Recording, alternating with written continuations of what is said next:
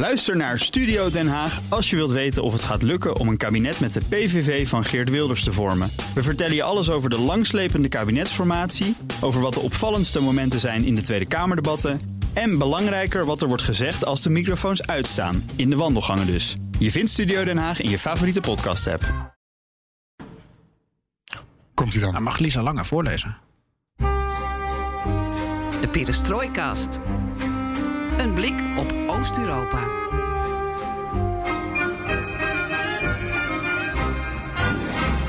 Welkom bij BNR Perestrooikast. Je hebt er even op moeten wachten, maar hier komt aflevering 110 van de enige podcast van Nederland die volledig oog voor het oosten heeft en geeft. Een aflevering die literatuur combineert met het gedoe rond Rusland en Oekraïne. Noem het maar gedoe. Ja, conflict, oorlog, gedoe, geruzie. Ik kwam even niet uit. Ik Ik denk, hoorde vandaag op de redactie al eh, dreigende kernoorlog. oh, Het wordt steeds heftiger. eh, nou, dan houden we het daarop gewoon. Dreigende kernoorlog, duidelijk.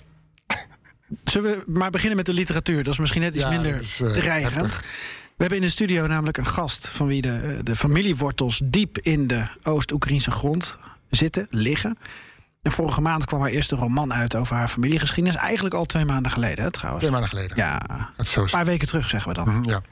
Getiteld Alexandra. Ja, en voor wie bij, bij wie nog geen belletje gaat rinkelen naast ons, rechts van mij tegenover Geert-Jan, zit Lisa Weda. Met haar duiken we in op de vraag hoe uit het ruzie, die kernwapenoorlog tussen Oekraïne en Rusland zich uit op familieniveau. Want Lisa heeft familieleden die aan de ene kant Kiev steunen en aan de andere kant hun geloof hebben in Moskou.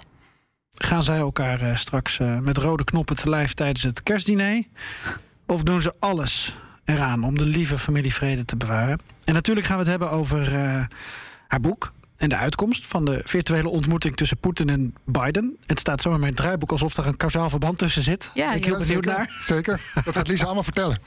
Plus boekentips. Ja. Favoriete boeken van Joe Biden. zo, zo richting de kerstvakantie eh, dacht Lisa, eh, ik moet met boekentips komen. Nou, weet je wie dan wel luistert? Nou. Angela Merkel. Want die is sinds deze week gestopt. Die luistert naar ons. Nou, dat zou ze moeten doen, want die is gestopt en die wil nu eindelijk wat boeken gaan lezen. En zij heeft natuurlijk ja, eh, zoveel roots in onze regio. Ze zou toch slapen? Boeken lezen. Oh, ik dacht slapen. Dan valt ze ervan in slaap. Dat niet alleen, we hebben meer te bieden. Het wel en wee van Gorbachev komt nou eens mij voorbij. En ik heb een nieuwtje, Gert-Jan, die eh, dat hopelijk doet jou dat verblijden. Ik heb geen flauw idee Ik waar je op hint. Heb je ergens Eerst- een moedervlek ter grootte van die van Gorbachev? Maar heb ik hem nog nooit gezien? Eh, ik zal mijn broek eh, omhoog houden. Ja, waar kom jij mee? Ik zal mijn lachen inhouden. Het einde van het jaar komt er weer aan. Dus de eerste lijstjes worden ook weer gepresenteerd. Ik hou ervan. Ik ben in zo'n lijstje gedoken. En dat gaat over machtige mensen in Europa. En ik heb daarbij even gekeken naar onze regio. En zoals jij weet, eh, onze regio is vrij breed. Groot. We claimen de halve EU en heel veel landen erbuiten. Tot met Vladivostok eigenlijk, hè? Dus we hebben eh, nou wel wat, eh, wat toppers op dit lijstje waar we het over kunnen hebben. Maar ook of we iemand kunnen toevoegen. En dat vind ik ook wel leuk om met Lisa te bespreken. Zeker, zeker. Ik bedoel, ik ben benieuwd wie Lisa op het oog heeft. En last but not least, de mop van Joost, die die zelf net terug is uit Oekraïne. En je weet het inmiddels. Alles ten oosten van de rivier de Elbe kan de komende weken, maanden, jaren in deze podcast worden besproken. En wat leuk is dat wij heel sociaal en democratisch zijn. En dat je je ideeën kunt inbrengen via Twitter, het Perestrooikast. Of mail ons op perestrooikast.bnr.nl.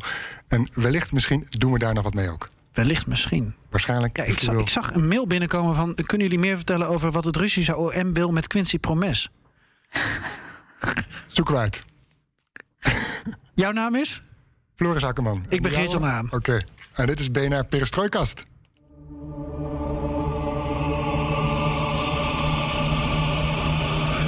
Heb jij die mail niet gezien dan? Nee, ik kijk mijn mail niet meer zo goed eigenlijk. Sinds ik hier eh, minder mijn sporen Ja, maar te laat. we, we hebben net gezegd dat we wat doen met de tips van Dat is mensen. waar, ja. Fijn, dan hangt het dus helemaal van mij af. Ja, of we er wel wat niet mee doen. Het hele programma, ik de de, hele podcast hangt van jou af. Geert-Jan, lijstjes, namen en rugnummers. Kom maar door. Wie, Hou jij ervan? waar? Van lijstjes? Ja, eh, eindejaarslijstjes. Nou, een beetje oppervlakkig. Maak je die grote puzzels altijd? Nee. Quizzen en zo? Nee. Nee? Nee, nee, Nee. nee. Bruisend leven heb jij toch ook, hè? Eh, ik doe andere dingen. Zal ik de wijn openen dan? De We wijn? kregen Lisa alleen maar, ja, over bruisend leven gesproken. We kregen Lisa alleen maar uitgenodigd als we haar wijn te bieden hadden. Maar als het bruist, dan is, Dus dit is, zijn dit eh, bubbels. ja, er zijn met bubbels. Die moet je even eh, bijdenken. Dit is Moldavische wijn met Saperavi-druif. Oh, Saperavi is zo ontzettend lekker. Toch eh, Georgisch? Ja, dat vroeg, ik ook, eh, dat vroeg me ook af bij de verkoper, de Grape District. Maar ik had geen zin in uh, gehoor, dus ik ben snel weggegaan. De, de Isa uh, Yusibov, die ons ontvallen is omdat hij zo nodig uh, ergens bij een of andere bankenanalist moest worden, die heeft het altijd over die rode Saperavi. Ja, ja, blijkbaar kan het ook in Moldavië. Dus je hebt geen uh, lang gesprek over de query onder de grond gehouden en hoe dat helemaal wordt gemaakt. En dat een man dan met een ladder in zo'n uh, aardewerken pot gaat waar de wijn dan in zit? Nee. Bij de wijnboer bedoel je? Ja, dat is hoe ze het in Georgië ja. doen. Ja, maar dat weet ik niet. Floris heeft het altijd over zijn wijnboer. Waar, die altijd met. is- Is dit een ander? dit is een ander. Ja, daar gaat het dus mis. Die heeft geen vakkennis. Ja, maar, gaat gewoon Mijn vreemd. wijnboer heeft geen Oost-Centraal-Europese wijn. die pijpleidingen van Gazprom, gaat daar rode Saperavi doorheen of zo? Dat dat van, van Georgië naar Moldavië gaat? Zul je Of? wel zo, zo meteen proeven, dat, eh die Kijk je uit voor je ogen? van mijn ogen. Nee, mijn vrouw is oogarts en die zegt met oud en nieuw, dan eh, Het is geen bubbeltjes zijn het niet, niet de, eh, de vuurwerkslachtoffers die met oogklachten komen, maar de eh, ontkurkers. Serieus? Ja, dat is de Wacht, Ik heb grootste. een bril op. Oh, ik zie het. Goed gedaan, jongen. Goeie bel voor Lisa. Ja hoor, doe Genoeg maar. zo? Eh, ja, genoeg. Doe mij, eh, ja, bodem. helft? Nou, minder dan de helft, want ik moet rijden. En, eh, Zeg maar. oh, paard. Mand. Voor jezelf? Ja. Goede flessen. Zeker. Zet hem aan mijn keel. Oké. Zal ik maar beginnen met mijn lijstje? Ja, ja, ja. Want dit eh, is toch kostbare tijd van de luisteraar, hè? Proost op jullie. Ja. Op Lisa. Proost. Proost. Boedjemol, jongens. Boedmo. Ja, in je boek heb je dat ook eh, mooi opgeschreven. En dan weer in de diverse talen. En de die, kaart. Die jouw regio, de regio van je voorouders rijk is. Maar daarover straks. Zeker. Geert-Jan, trap Eerst, af. eerst naar de machtigste mens van Europa in 2022. En naar de dromers en de doeners en de disruptors. Het is een lijstje van Politico, Europese politieke website. En die hebben gekeken naar ja, welke mensen uit Europa zijn invloedrijk... en dermate invloedrijk dat zij ook volgend jaar iets bijzonders kunnen bewerkstelligen. En er wordt ook verwezen naar Merkel, want die is na 16 jaar weg. Dus wie gaat bepaalde schoenen vullen? Nou, de machtigste mens van Europa is Mario Draghi, volgens Politico. Daar hebben wij met onze podcast natuurlijk niet zo heel veel aan. Nee. Ehm, sterker nog, ik waag het dus te betwijfelen, omdat volgend jaar, vermoed ik, eh, de. Ja, noem het een ruzie, noem het een dreiging, noem het een, een, een, een, kernwapenoorlog. De situatie met Rusland gaat, denk ik, eh, volgend jaar eh, nog steeds op het politieke vlak van enorme betekenis zijn. We hebben natuurlijk Scholz, die het overneemt van Merkel. Wat gebeurt er met de Oostpolitiek? We hebben gasissues. En ik geloof niet dat Italië nou echt het land is waar je nou op dit terrein het meest naar moet kijken in Europa. Dus ik denk eh, dat het niet de machtigste man of vrouw van volgend jaar zal zijn. Dat even terzijde.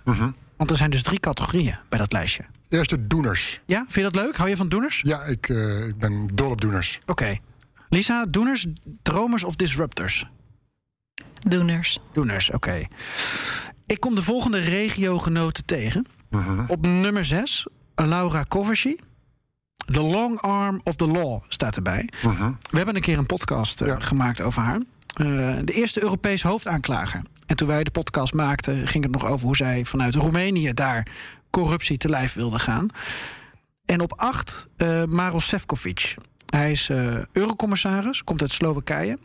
En hij is de dealmaker. Hij is de hele tijd druk met Brexit en Noord-Ierland en al dat soort shit aan de andere kant van onze regio. Maar daar heeft deze Slovaak dus eh, invloed op. Oké, en heeft je daar nog bepaalde ideeën bij? Of weet je niet van hoe hij dat gaat invullen? Nou, dat is, nou, dat is natuurlijk vanuit het- perspectief van, van, van de EU. ja. En, en, en de Britten zo min mogelijk geven. Maar goed, ja, dat is op zich niet zo heel relevant voor onze dacht, misschien geeft regio, hij nog toch? een eigen saus aan. Een Slovaakse saus. Ja, dat dacht ik, dat, ging, dat bedoelde ik eigenlijk meer. Of, of, Hij is Europeaan. of Hij is cohesie. eurocommissaris. Cohesie is toch ook... eh, Nou ja. Eh, wat is Coversie? Nee, dan ben ik in de war met die dame van de Wereldbank, geloof ik. Ik haal alles door elkaar. Georgieva. Ga- ga Dat is een. Bulgaarse. Ja, ja, ja, maar die lag een beetje onder het vuur, geloof ik. Maar die staat niet in dit lijstje. Nee, precies. Nee. Zij is van IMF. Oké. Ja. De dromers. De Dromers. Op drie bij de Dromers. eh, en dat is na. eh, op één staat Anne Hidalgo, burgemeester van Parijs. Op twee staat Ursula von der Leyen. En op drie staat eh Gabrielius Landsbergis. Mhm, ja. Litouwse minister van Buitenlandse Zaken. Jonge gast. De enige die in deze lijstje staat. Eh, en dat zijn de 28 die onder de 40 jaar is. Nou, daar gaan wij eh, gedrieën. Oh nee, jij bent ouder. Nee, 89. Ik ben nog, ik kan nog. Ja, ik kan ook nog. En jij, Floris? Ik ben oude bok, 44. Oké. Nee, jij zou niet, niet- Nou ja, die, de- dus Landsberg is de enige onder de 40. Mhm. Maar hij wordt de Dragon Slayer genoemd. Omdat hij dus opkomt tegen China. Mhm. Omdat eh, Litouwen dus eh, Taiwan op dit moment erkent. En Litouwen is een van die landen, van die 17 plus 1... die dus eh, vanuit Centraal- en Oost-Europa... een economische alliantie met China aan waren gegaan. En in ruil voor Chinese eh, kapitalen... kon daar bijvoorbeeld in infrastructuur worden geïnvesteerd. Maar ze hadden in Litouwen door dat dat ook wel de politiek beïnvloedde. En Landsbergis eh, heeft uiteindelijk een streep getrokken en gezegd: China, het is klaar met jullie economische en daarmee met jullie politieke invloed. En dat eh, heeft hem een plek in dit lijstje opgeleverd. Op vijf, Peter Markizai, de standard bearer, Mhm. de uitdra- eh, uitdager van Orbán. Mhm. En op zes, Maya Sandu, de tightrope walker. Het Engels. Die vanuit Moldavië nu eh, een, een soort Europese koers probeert te varen. Oké. Niks aan toe te voegen? Nee, nog niet. Oké, de Disruptors. Ja, daar staat een eh regiogenoot op één. Donald Tusk. Ik weet, ik weet nooit of het Tusk of Tusk is. Elke keer ver- verzand ik daarin. Geeft niks. Ehm, De counterinsurgent. Het klinkt mooi altijd op Engels. En ik vind het zinnetje dat erbij staat vooral heel mooi. Eh, de man die naar Warschau is gegaan om de EU te redden. Ah, En eh, de verkiezingen zijn volgens mij pas in 2023 in Polen. Maar goed, dat zaadje moet nu natuurlijk Precies. geplant worden. Verder in de Disruptors-lijst Elliot Higgins, wilde ik toch even genoemd hebben. Dat is de man achter eh Bellingcat. Ja. En Bellingcat kennen we natuurlijk eh, ja, door MH17, waar jij ook, eh, eh, Lisa, veel mee bezig bent geweest. Ja, te Met de nasleep. En ik vind het wel goed dat hij in zo'n lijstje voorkomt. Omdat hij natuurlijk eigenlijk ook de journalistiek. Maar ook sociale media op een posi- positieve manier eigenlijk gebruikt. En, en burgerjournalistiek om, om hele belangrijke dingen mee te doen. Ja, ik vind dat echt een ontzettend inspirerende organisatie. Ja. En, en eh, Christian Tiebert, die Nederlander die bij eh Bellingcat werkt, die is uiteindelijk door de New York Times aangetrokken. En is daar echt een soort chef satellietjournalistiek geworden. En, en dat heeft Bellingcat eigenlijk toch wel eh, in gang gezet. Op vijf Viktor Orban, the man to beat. En op zeven de Sloveen Alexander Severin, voorzitter van de UEFA, de voetbalbond. En op negen Alexander Lukashenko. En Politico heeft hem samengevat als de pest, Als in het verleden of de pest, de ziekte. de ziekte. De ziekte van Europa. De disruptor. Ja. Op een eh, ziekelijke manier. Dat is het lijstje. Poetin eh, zien we niet terug in het lijstje? Poetin staat er niet in. Nee. Geen disruptor? Nee, en ook geen dreamer. Wat je met deze situatie eh, Mhm. op de vloer, op de grond misschien wel zo zou kunnen, zou kunnen denken. Doener moet nog maar blijken Ja, of die kernoorlog er komt. maar dat is eh, zeker een doener. ja, eh, altijd leuk lijstjes om over na te denken. En altijd natuurlijk eh, discutabel. Ik weet niet. Denken jullie aan iemand waarvan je denkt van ja, vind ik wel een doener, disruptor, dreamer.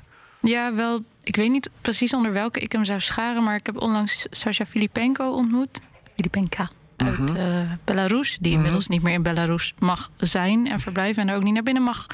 Een schrijver die in, als ik het goed heb, 2000, ik durf het jaartal niet te noemen, maar in ieder geval het boek De Ex-Zoon schreef, wat eigenlijk een super eh, premonition, vooruitkijkende roman was op de huidige staat van eh, Belarus. Ja.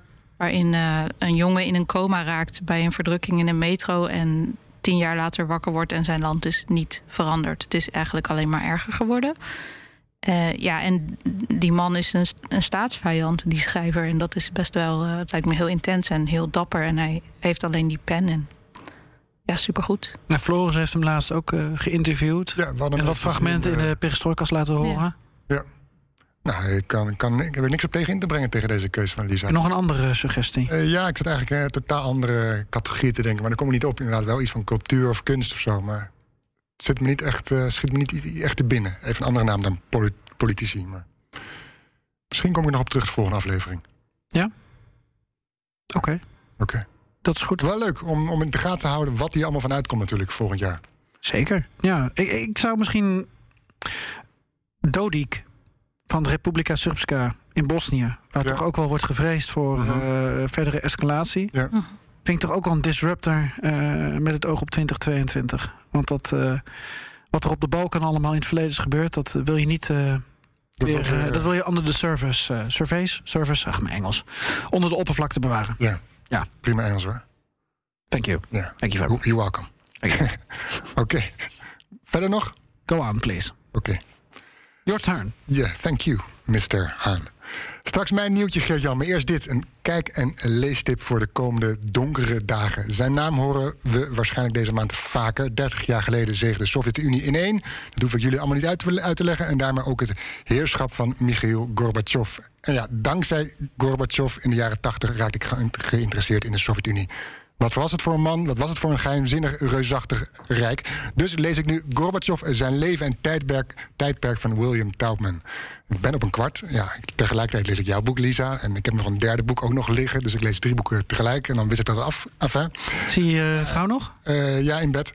En ehm, in het boek lees je Gorbachev een weg baant naar de Kremlin-top. Maar ja, het is toch de vraag: hoe kan zo'n hervormer die top bereiken? Hoe deed hij dat? Ja. Kreeg hij hulp onderweg? Eh, wist er anderen van zijn denkbeelden? Nou, daar krijg je gaandeweg op dat kwart waar ik nu ben steeds meer antwoord op. En dan denk je toch: goh, hoe heeft dat interessant hoe dat spel heeft gespeeld? Ook de invloeden die zijn reizen naar het westen hadden met zijn vrouw Raisa. Dat komt ook allemaal naar voren en hoe zijn denkbeelden dat, eh, dat verandert. Ehm, ik zal er niks over zeggen, want dat verraadt het boek. Maar die vragen zijn wel heel interessant om En die, die fastfood-reclames waar die in de jaren, jaren Ja, daar- 90 daar ben in, figureerde? Daar ben ik nog niet. Ik ben, nog, ben nu bij ja, 85, 86 ongeveer. Iets, iets 84, denk ik. Andropov leeft nog. Oh ja. Dus eh, hij zit daar een beetje nog in die, in die kant. Ja, Dus dat. ja Tsjernobyl moet nog Ja, plaatsvinden. daarom ja. ja. Dus, eh, Tchernenko. dat, dus koop het boek, zou ik zeggen. Het is een dikke pil, dus daar kom je wel de kerstvakantie mee door. Welke van de drie moet ik nou kopen? Hoe bedoel je welke drie? Nou, je bent er drie aan het lezen, dus wat bedoel je met koop Nee, het boek? dat, koop het boek van Gorbachev. En niet die van Lisa. Eh, zover ben ik nog niet. Zijn leven en tijdperk van William Taubman. En koop natuurlijk ook het boek van, van Lisa. maar die heb je nog niet uit, dus dat kan je toch nog niet ik, weten? jawel, want dat is, dat is wel zo goed. Dat moet je kopen. ja? Ja. En het derde boek was Het Huis van de Sovjets. Nee, het Huis Oh, dat boek is zo goed, The House of Government. House of Government. ja. Oh, ja. waar moet hij nou in doorlezen? nou ja, House of. Government is gewoon, ik denk, even zwaar als met je vrouw in bed liggen, letterlijk qua gewicht. dat boek is zo dik. Ik bedoel niet dat je ik, vrouw heb het dik eerste, is. ik heb het eerste deel, lees ik nu. Het zijn twee delen. dus Ja. ik moet Maar kan, kan, Maar Gorbachev is dikker. kan Suzanne niet een, een van die drie boeken overnemen? Voorlezen. Ja, of gewoon Eh, lezen, Suzanne lezen en dan nu, eh, samenvatten voor jou. Zij leest nu De Kat en de Generaal. Oeh, Oh ja. ook zo goed. Man, man, man. Ja. Mag ik niet gewoon bij jullie logeren? af Ja, dat mag best. hoor. Zullen- eh, Hebben jullie een groot bed? Eh, we hebben een eh, prachtig drie Boeken zat in ieder ja, geval. boeken zat, ja. Ja. Ehm, Nou, goed bezig, denk dan ik. die, die, die kijktip. Oh, kijktip, Reza ja. komt terug in het do- documentaire Gorbachev Heaven. Nu te zien op twee. Eh, daarin zien we, hè, 30 jaar geleden was Gorbachev de man, de wereldleider om wie alles draaide. En nu zie je Gorbachev eenzaam in zijn villa, alleen ondersteund door assistent en koks. Met de ijskast in zijn eetkamer. Geen idee waarom. Portretten van Risa. Een lift om van de ene verdieping naar de andere te komen. En ja, lichamelijk is hij er slecht aan toe. Maar geestelijk is hij nog altijd erg scherp. En dat valt heel erg op. Hij corrigeert de interviewer, zoals jullie mij dat ook doen waarschijnlijk. En draagt moeiteloos gedichtregels voor. Eh, bijzonder om te zien. Dus ook voor deze donkere dagen, deze documentaire. Eh Gorbachev Heaven nu te zien op twee doc. Ja, wat bedoel je daarmee met nu te zien op twee doc? Even Dat voor de nu te zien mensen... is op dit moment. Ja, maar we hebben een heleboel mensen met die, die lineaire tv zo niet meer snappen. We hebben een heleboel jonge luisteraars. Hoe werkt dat? Nu te zien Ja, op twee doc? je, je googelt gewoon een, een documentaire eh, Gorbachev Heaven en dan komt hij als bovenaan uitrollen en dan zie je gewoon twee doc daar. Ja, doc is, is, is onderdeel van Human, toch? Van de omroep.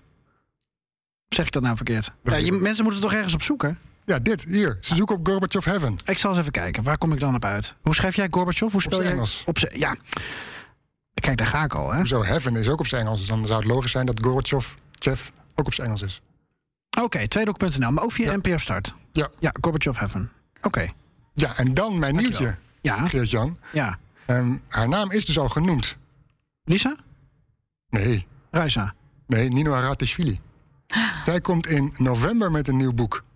Op de Nederlandse markt. Wacht even, het is december. Dat duurt dus echt nog elf Ja, maanden. ja, je moet even geduld hebben. Maar het is toch leuk? Het, het werktitel leidt, luidt het Schaarse Licht... en verschijnt naar alle waarschijnlijkheid in november 2022 in de Nederlandse vertaling. Maar dit is een nieuwtje omdat jij dit als enige weet? Dat weet ik niet, ik vind het gewoon leuk om te Wel vertellen. echt een leuk nieuwtje. Ja, daarom, daar kun je Ja, naar ja. uitkijken. Nee, maar is het nou een scoop? Is het jouw scoop? Volgens mij is het een nieuwtje als ik het van de uitgever heb meegekregen. Oeh.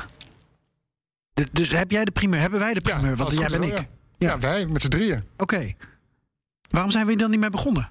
Er zit tussen, tussen neus en lippen door. Dit, dit is het nieuws van Dit de... was een teaser. Je zit in drie boeken, maar hier gaat het om. Dit was een teaser, dus dan moeten luisteraars steeds luisteren. Wanneer komt het met een nieuwtje? En dan moet je eerst al jouw gebabbel nog, uh, hoer nog luisteren. En dan komt het Maar ons. nieuwtje, dat is is- goed voor de luistercijfers. Wat doe, wat doe je nou? Je, doet jezelf, je doet jezelf tekort door het een nieuwtje te noemen. Nee, dit is tactisch slim. Dat is een scoop. Dat is een scoop. Ja, Dat is alsof jij weet dat Casa del Papel een nieuw seizoen krijgt, bijvoorbeeld. Dat, dat niveau. ja nou, oké. Alleen het dan leuker. Nieuws. Ja. Nou, bedankt. Kijk ernaar uit, zou ik zeggen.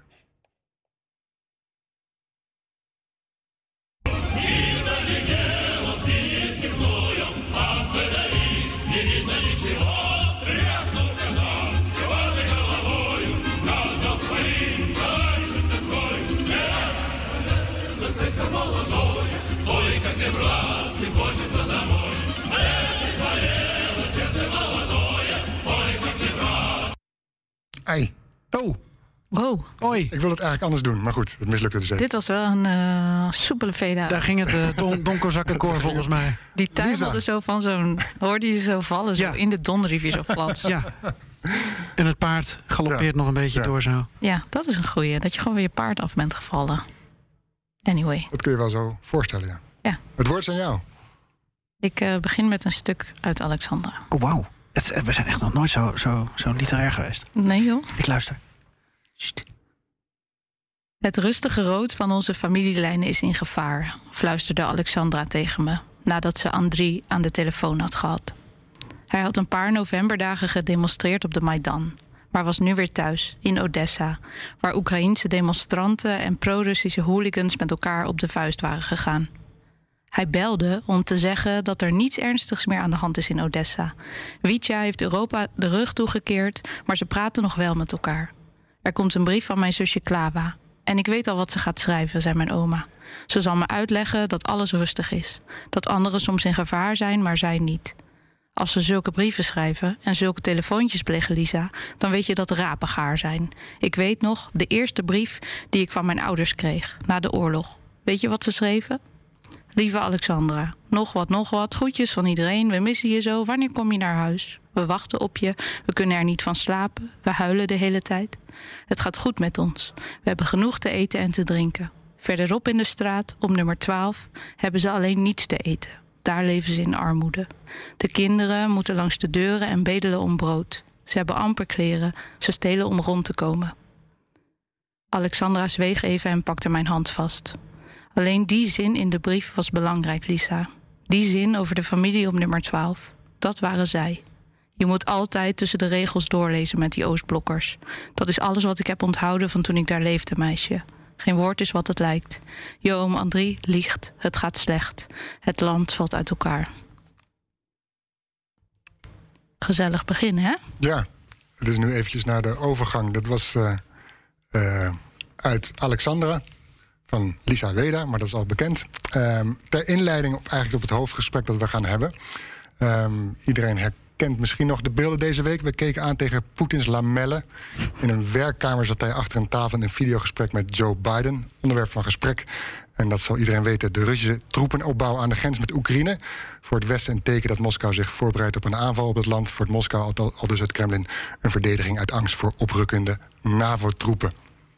Ja, dat is op wereldniveau.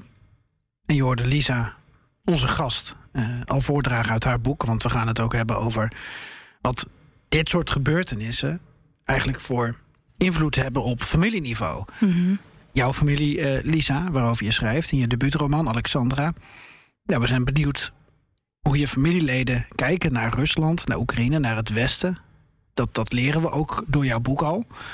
En wat betekent het voor de sfeer aan tafel als we straks, eh, nou ja, een soort van bij elkaar kunnen zijn met kerst en oud en nieuw? En wat vinden jouw familieleden, maar ook anderen in afvallige regio's in Oekraïne of met eh, een bestaan ergens op een andere plek in, in dat land eh, of in Rusland? Ja, wat- wat, vinden ze ervan dat het lot van Oekraïne dan in handen ligt van een zoemende Biden en Poetin? Hallo. We gaan het zo horen. Welkom. Dank je. Ehm Geert-Jan heeft hem al uit, Alexandra. Zelf ben ik halverwege. Maar voor degenen die dat nog niet, nog niet jouw boek hebben gelezen, kun je een beetje hè, een familieroman. Hoe ziet jouw familie eruit? Mijn familie is verdeeld letterlijk over Oost en West. Uh, dat is uh, zo ge gebeurd omdat mijn grootmoeder Alexandra, uh, het boek draagt dus ook haar naam als titel, in de Tweede Wereldoorlog werd gedeporteerd als enige uit haar gezin. Zij kwam uit het jaar 1924. Haar jaartal was aan de beurt. Zij werd in 1942 op 18 november op de trein gezet om te werken in het Roergebied. En is daarna in, die is verliefd geworden in de fabriek waar ze werkte op een Hollander. Koos, trok met hem naar Nederland. En het was eigenlijk te gevaarlijk om weer terug te gaan naar de Sovjet-Unie. Omdat ze daar als deserteur zou worden beschouwd. Geen leven, slash baan, slash wat dan ook zou kunnen hebben. En uh, de rest van de familie is daar altijd uh, wel gebleven in, in Oekraïne, in de Sovjet-Unie. En zo kom ik uit een, uh, verdeeld, ja, een verdeelde familie tussen Oost en West. En groeide ik op als kind met uh, op mijn verjaardag oud-tantes met gouden tanden die me vasthielden. En van die vieze, brokkelige Sovjet. Uh, af, ja, after Sovjet chocola gaven. Van die chocola waarvan je denkt: is het chocola of is het creppapier? Ik weet niet zo goed wat het is. Um, en naarmate ik ouder werd, ben ik meer in die familie gaan duiken en kijken. En uh, ja, nu ligt het op meerdere niveaus. Als je het hebt over Oost en West en alleen eens op de Oekraïne, ligt de familie letterlijk uit elkaar. Uh -huh. En, en hoe zit het met jou, even voor de duidelijkheid? Hoeveel procent Oekraïens, Russisch, Nederlands ben jij? Um, mijn oma is Oekraïens, Don Kozak, Russisch. en ik ben een kwart Oekraïens, Don Kozak, Russisch. En voor de rest gewoon heel saai en nuchter poldermodel Nederlands. En, en zit, van het kwart zit daar iets in? Dat, ja. Wat dan? Uh, de woede, het temperament en uh, dat je genoeg eten in huis hebt voor meer dan twee mensen. Altijd. Ja. En dat, dat donkerzakken aspect, ook al hebben wij natuurlijk luisteraars die alles weten van de regio, meer dan mijzelf, maar mm -hmm. toch even, ja, wat is het om een donkerzak te zijn? Wat houdt dat in? Misschien wat houdt dat in anno 2021? Oeh, ik denk dat het interessant is om te denken hoe je een vrij volk kan zijn in een gebied dat zo erg politiek wordt gedomineerd door allerlei hele grote krachten. En dat is denk ik wat de donkerzakken, uh, waar ze voor staan, voor mij in ieder geval. En ook op familiair niveau een, een groep mensen gro ja, die vrijdenkers waren, die niet per se onder een staat wilden vallen, maar hun eigen kleine clans wilden hebben en daar binnen op een meer egalitaire manier wilde leven. En dan natuurlijk kan je dingen vragen over man-vrouw verhoudingen, maar dat was lang geleden dus. Ja. Dat lijkt me prima. Maar en, ze, zijn, ja. ze zijn waarschijnlijk noodgedwongen, toch wel vrij volledig geassimileerd. Ja, uh, in de jaren twintig was het niet zo ja. gezellig. Nee. Inderdaad. De en... dekozakisatie was een, een ding wat eigenlijk, waar ik helemaal niet zoveel over wist. Uh, ik zat vooral aan de dekulakisatie uit de jaren dertig. En uh, toen, toen in de roman zelf uh, speelt de Donkozak en het hert, het symbool van de Donkozak, een hele grote rol als de verteller en alles wetende uh, entiteit die die hele geschiedenis van het Donbassgebied en van uh, ja, die velden en de zwarte aarde kent en Mhm. daar heel veel over kan vertellen. En eh, heb jij een familielid dat zich binnen al die percentages die je net benoemt, hè, en in jouw geval zit daar natuurlijk ook een percentage Nederlands bij, Mhm. heb je een familielid dat zich eh, vooral donkerzak voelt? Ja, ik mag mezelf daar denk ik als Hollands meisje toch niet helemaal onderscharen of zo. Ehm, maar Nou, als het zo voor jou voelt. Nou ja, ik ben daar natuurlijk voor, maar ik ben te ver weg om, om midden in zo'n conflict waar dit land nu in zit, uh, al heel lang, uh, met een soort schaduwgebied, waardoor het land gewoon onevenwichtig is. Um, dat is moeilijk om daar dan uitspraken over te doen. Maar ik heb één die denk ik wel heel erg is voor je er niet onder laten krijgen. Maar die is meer pro-Europa, pro niet per se. We willen helemaal nergens bij horen, maar we willen wel de Europese kant op. En ik heb één neef die een, een separatist is zou je dan kunnen zeggen dat hij in die, in die Volksrepubliek Lugansk in zijn eentje dat land of dat stukje tot een nieuw iets wil maken? Ik vraag me af of het dan van Rusland moet worden of dat hij gewoon in ieder geval niet bij Oekraïne meer wil, ja. wil zijn. Ja, maar de donkerzakken dachten toch juist niet in grenzen? Ja, precies. Dus dan, als je een nieuw land creëert, dan creëer je daarmee ook weer grenzen. Ja, dat is het complexe natuurlijk, dat je daar altijd onder zit. En ik denk op een ander niveau, als ik zo naar je vraag luister, dan denk ik eerder dat ik wel familieleden heb die gewoon vrede willen waar die grens ook ligt. Ja.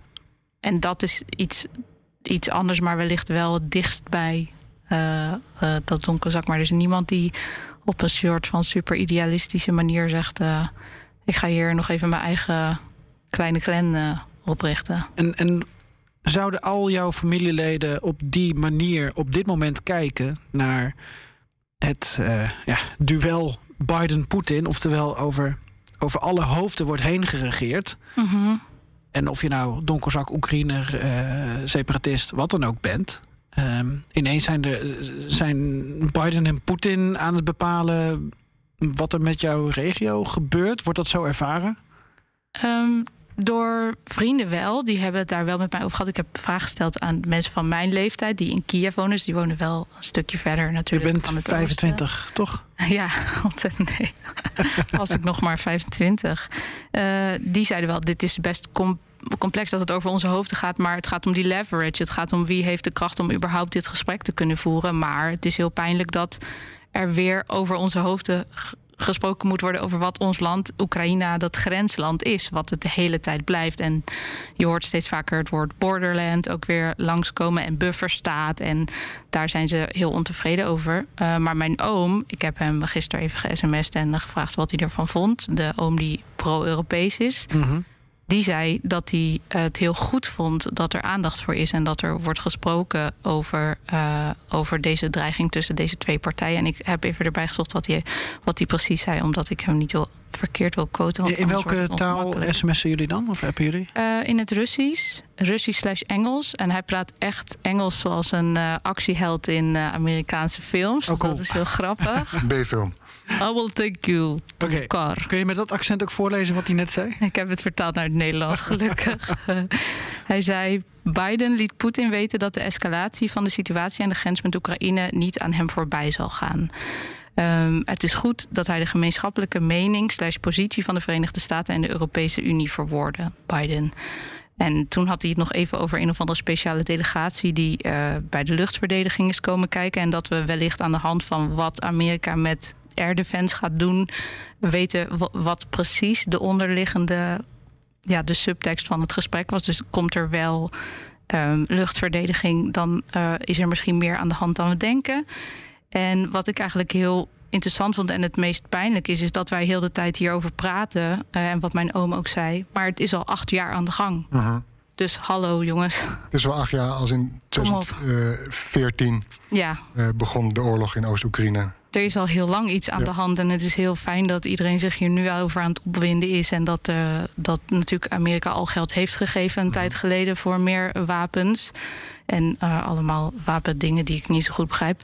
Maar die oorlog is al veel langer aan de gang. Dus ik vind het ook wel interessant om te zien dat er nu ineens die twee grootmachten en vooral Amerika daaraan trekt. En wat ik wel fijn vind, is dat die, de mensen van mijn generatie zeiden. Eh, het is in ieder geval goed dat het meer in het nieuws is. Dankzij dit gesprek is dit conflict weer in het nieuws. Maar die dreiging was er al heel lang. Er zijn al heel veel mensen dood. Er zijn heel veel mensen weggetrokken uit dat gebied.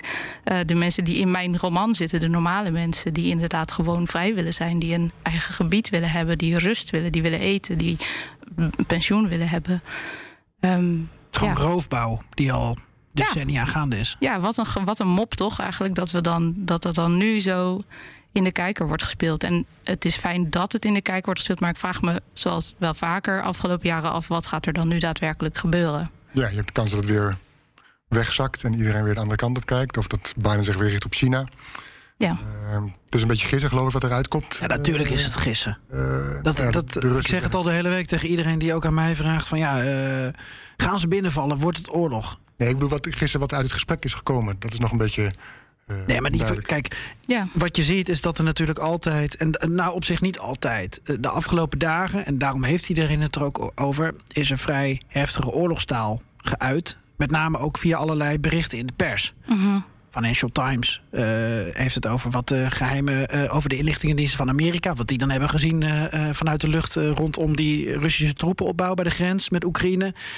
Eh, Bloomberg heeft het over van ja, dat Biden zegt van ja, eh, Nord Stream 2, dat, dat gaat eraan eh, als je ook maar één keer een voet over die grens zet.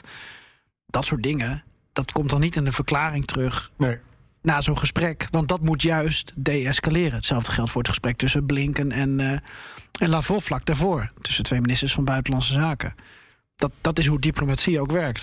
Ik denk dat we daar ook gewoon ons maar aan vast moeten houden voor nu. Ook al is er al decennia lang roofbouw gepleegd op die regio waar jij eh, vandaan komt. Ja, heel lang. Maar ja, je hoopt toch elke keer dat het niet weer gebeurt. Al is het maar ja, om, om wat je dan in die hele korte tijd opnieuw hebt opgebouwd, dat dat ook weer niet naar de kloten gaat.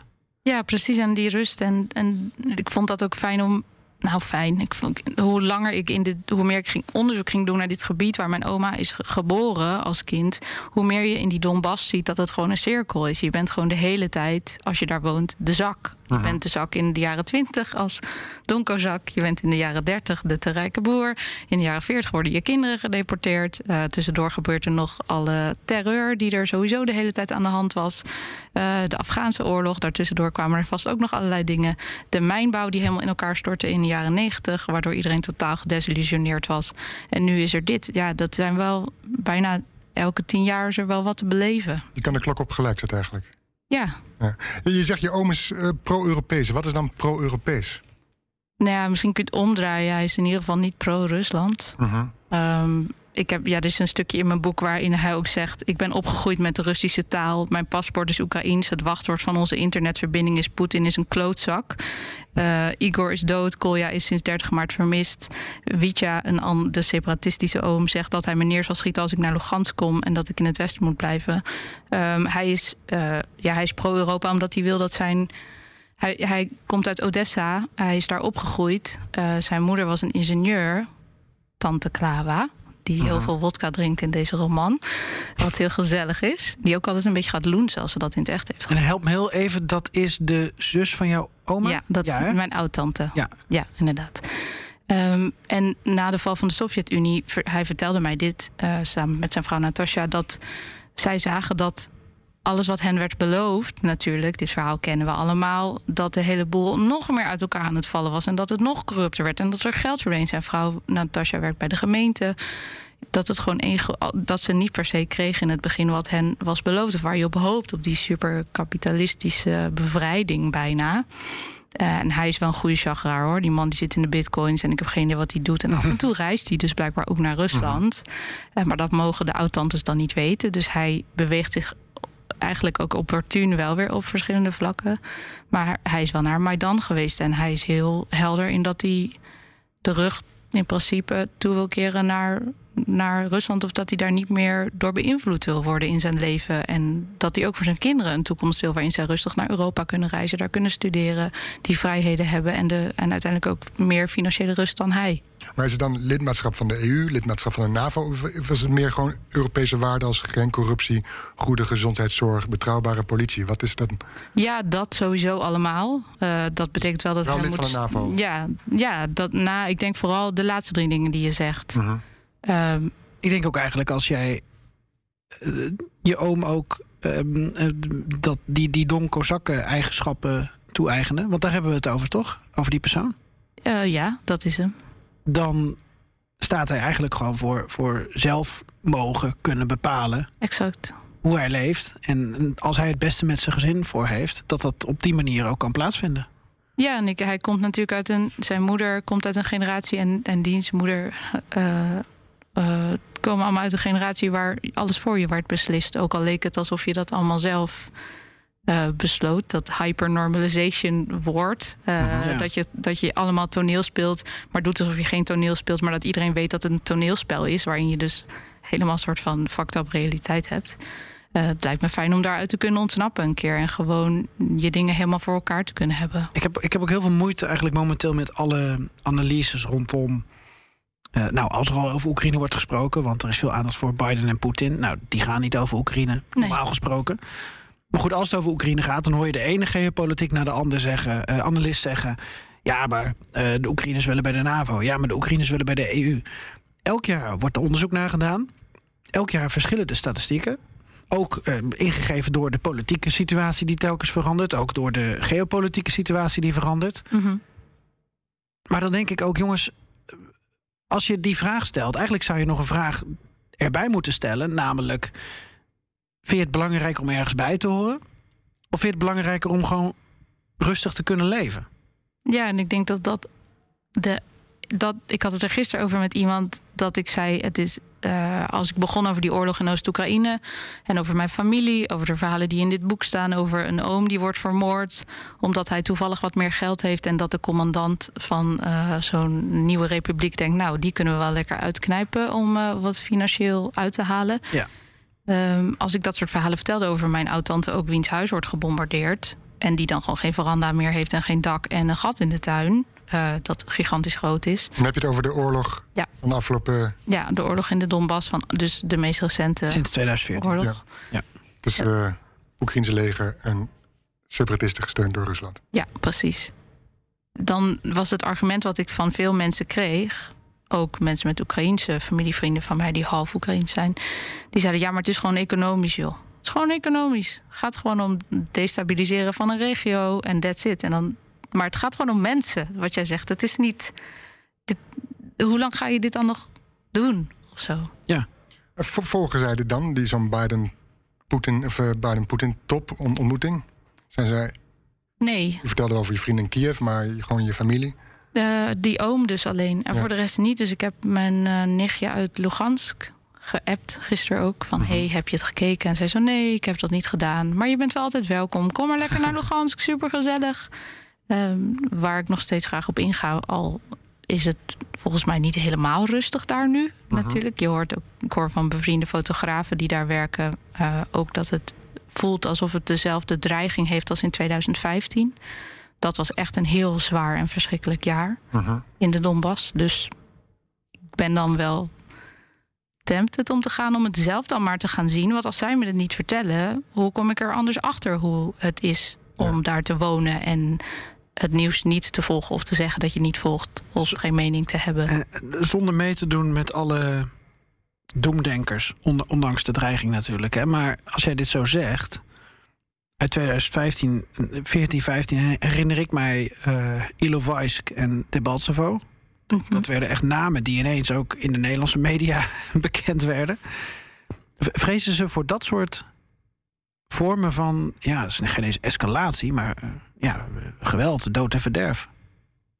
Nou, die fotograaf ging daar zelf niet zo heel diep op in. Maar ik denk wel dat dat is een fotograaf, Brandon Hoffman heet hij. En zijn vriendin heet Oksana Parafeniuk.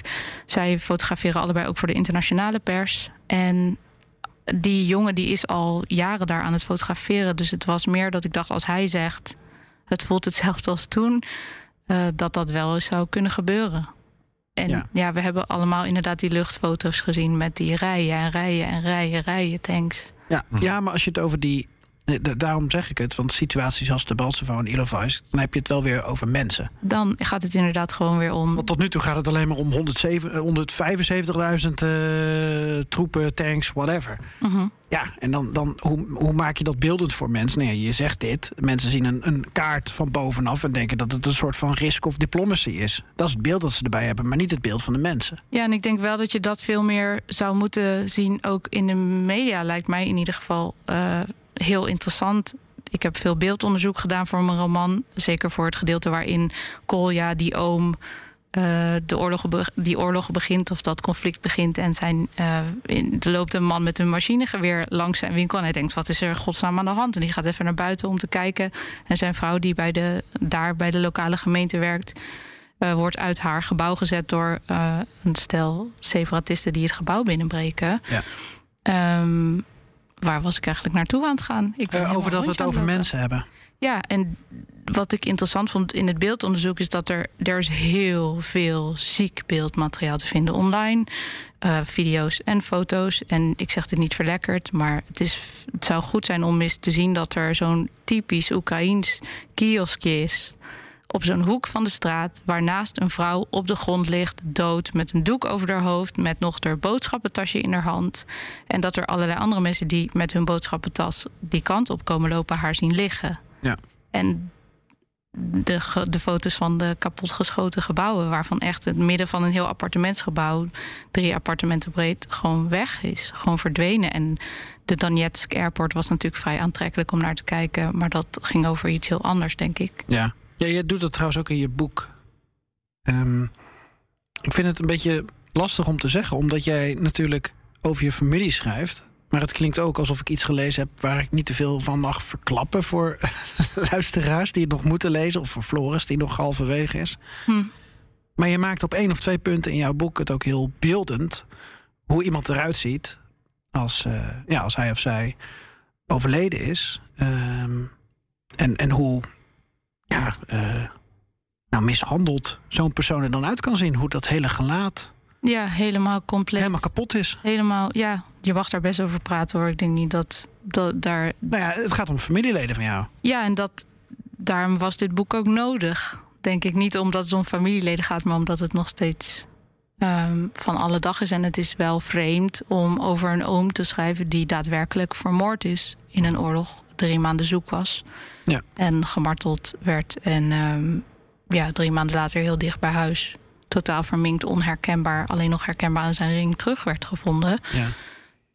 Het, duur, ja, het duurde wel lang om dat op te schrijven. Het was ook het laatste wat ik schreef. Het laatste wat werd toegevoegd aan dit boek. Maar juist omdat het nog steeds aan de gang is. Het, was, het is nodig. Dit, ja, die, ook al is het mijn oom. Het kan, het kan de oom, zoals in heel veel generaties van de Sovjet-Unie tot en met nu. Het kan de oom van zoveel mensen zijn daar in dat gebied. Dus het beter praat iemand er maar over hier. Want dat leek me wel een goed idee. Als, als we kijken naar.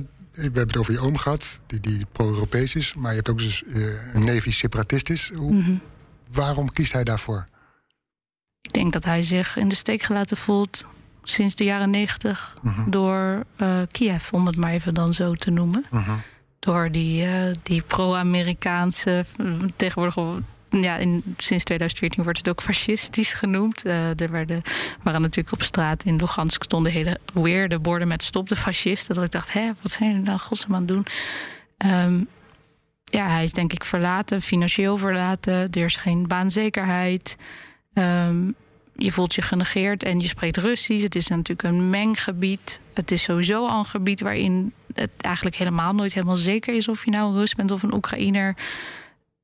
Ja, en ik denk dat het best aantrekkelijk kan zijn en dat er ook gewoon genoeg op tv op een gegeven moment te horen is waarvan, waarvan je wel denkt: oh ja, dit verhaal bevestigt mij meer dan het verhaal van, van Kiev. Ik word niet gehoord en hier wel.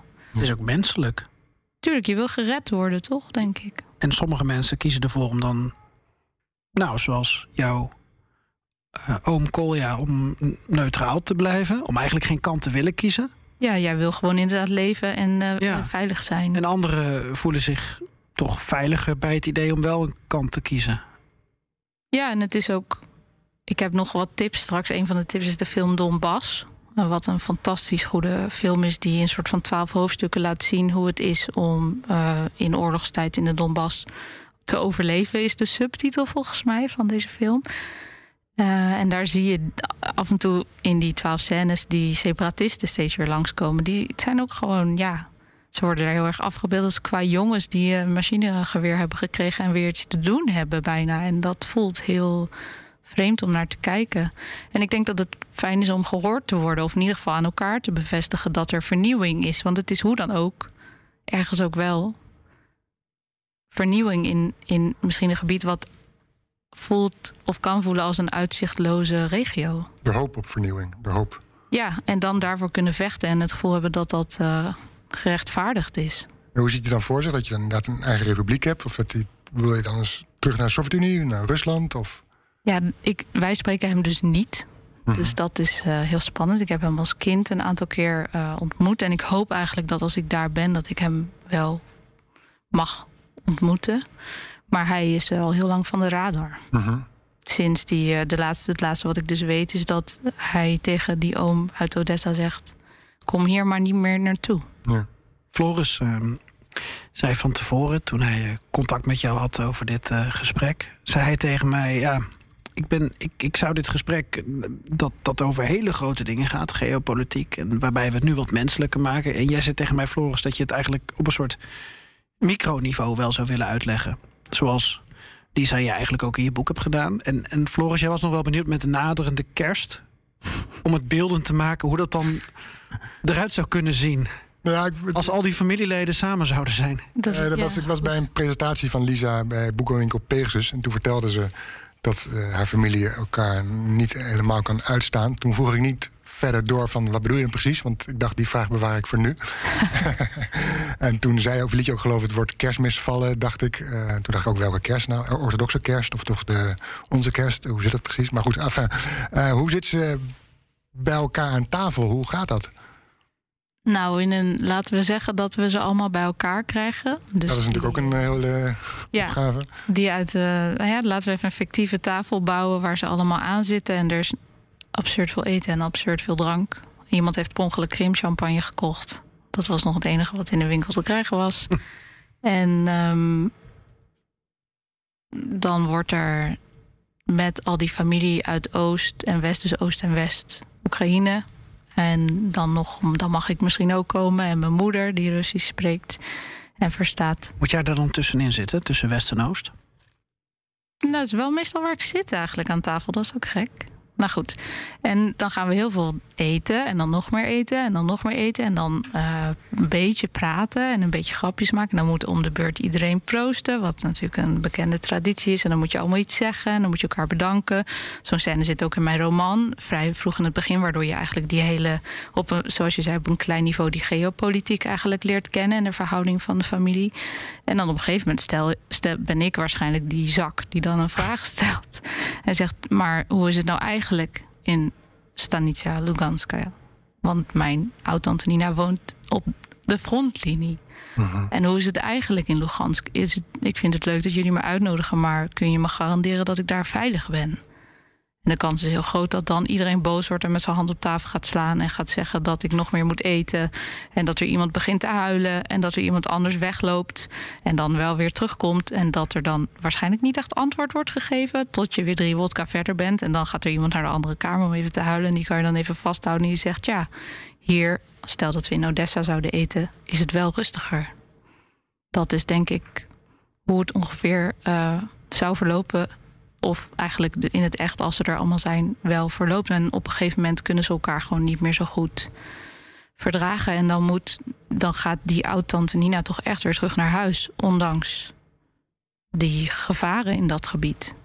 Maar ze, ze houden dat gewoon qua idealen niet, niet per se met elkaar uit. En je ziet daarin ook, je ziet ook hoe ze gekleed zijn, dat er. Er zijn financiële verschillen tussen die, die familieleden. Je ziet aan wat ze aan hebben dat de mensen in Odessa, de familie in Odessa, echt wel wat chiquer is. En daar ook eh, ja, op, op een wat meer Europese manier. En dat die.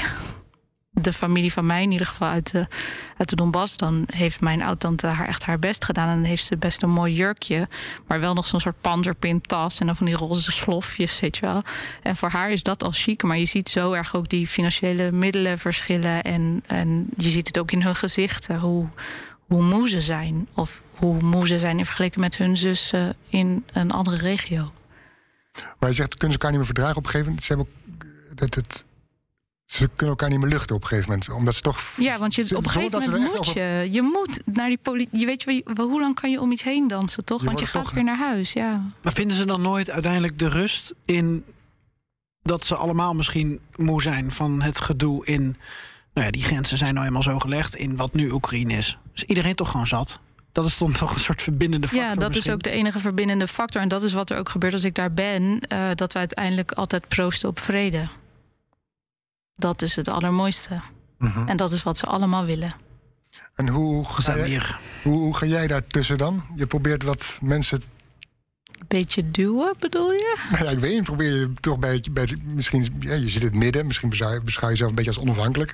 Probeer ze toch bij elkaar te houden? Of nou ja, eh, Ja, ik probeer ze sowieso bij elkaar te houden en te zeggen dat ik heel blij ben dat ze er zijn. Maar vanuit schrijversoogpunt wil ik natuurlijk altijd meer weten. Dus dat is een slechte eigenschap. Ik denk ook eigenlijk oprecht dat mijn familie, de titel van de roman is Alexandra. Maar in, eh, in, in, ik heb familie in Rusland, in Kazachstan en in Oekraïne. Die denken allemaal dat het alleen over mijn oma gaat. Ik vraag me heel erg af, en dat is natuurlijk heel erg dat ik dit zeg. Een, een Russische schrijver die ik ontmoette in Utrecht. eh, eh, ik ben haar naam vergeten. Die zei: Je hebt je familie vermoord in een roman. Nu ze erin zitten, zijn ze allemaal dood. Toen dacht ik: Oh, god alle Jezus, daar gaan we dan. Dat is ook wel een vrij eh, fatalistische houding die de Rus. eh, oké. Ja, wel schetst. Maar ja, precies. Maar ik denk dat zij niet weten dat die hele oorlogslijn er ook in zit. En dat het een veel activistische roman is geworden. Nou, zo activistisch is het niet, maar het laat wel heel veel zien. En het gaat ook over het nu en over. Ja, ik denk dat ze daar niet per se heel eh, erg om staan te springen. Want hoe oud is je oma? 97. Het, en zij is het oudst nog levende familielid? Ja, ze is de oudste zus. Ja, ja want je hebt veel eh, familieleden op leeftijd. Ja. Dat, dat vond ik ook al bijzonder. Aha. Zoveel herinneringen die eigenlijk nog te delen zijn ook. Ja, en daarom moest dit boek er ook nu komen of zo. Want ik dacht wel, mijn oma zei ook grappend de hele tijd... eh, komt dit nog af voordat ik doodga? Want eh, schiet alsjeblieft een beetje op. Ja. Ehm, ja, dit verhaal is ook wel... Ik denk dat het nu zeker... We, hebben het, we begonnen net over Biden en Poetin... maar ik denk dat het goed is om te weten dat het land waar zij over praten... dat je daar ook wat meer over zou moeten lezen. Dus daarvoor is het boek hier ook.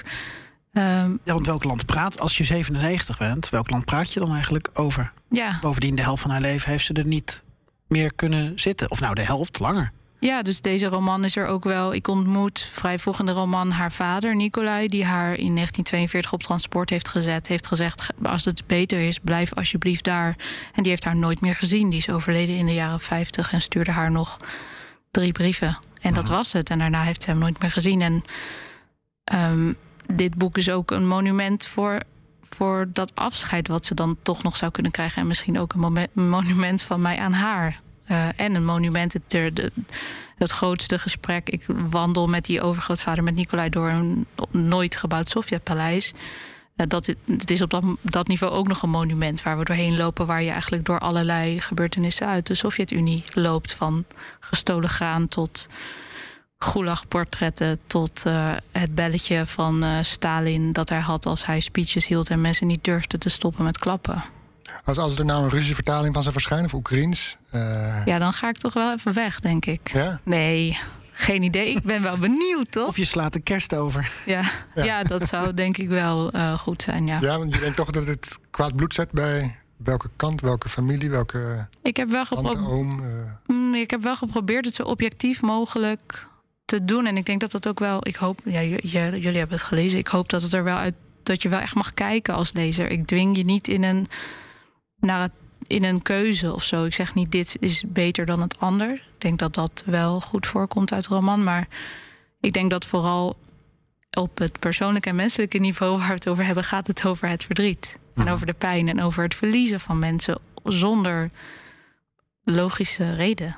En dat is denk ik heel pijnlijk om te lezen. Want praten over verdriet en over verlies en over dood en over ellende met een familielid, dat, dat vinden ze niet leuk. Nee. Nee, nee, nee. nee, maar ik denk wel... Kijk, jij bent natuurlijk ook Nederlands. En eh, je kijkt dus altijd ook met een, een, een net iets andere bril Ja, naar ik ben mensen, er altijd naar een dingen. beetje buiten. Ik weet niet of jij eh, dezelfde... Kijk, je gaf al aan dat je temperamentvol bent. Maar heb je dezelfde dramatiek en hetzelfde fatalisme als Russen en ook eh, Oekraïners hebben? Want dan kan je, als je zo'n boek leest... dat natuurlijk ook weer op een net iets andere manier opvatten. Ehm, ik weet niet of jij, als jij dat zou lezen eh, en je zou daar wonen... of jij dat boek dan gelijk naar iemand zijn hoofd zou gooien. Of dat jij toch eventjes adem kan halen, bijvoorbeeld. Ja, dat soort emoties heb je dan ook natuurlijk.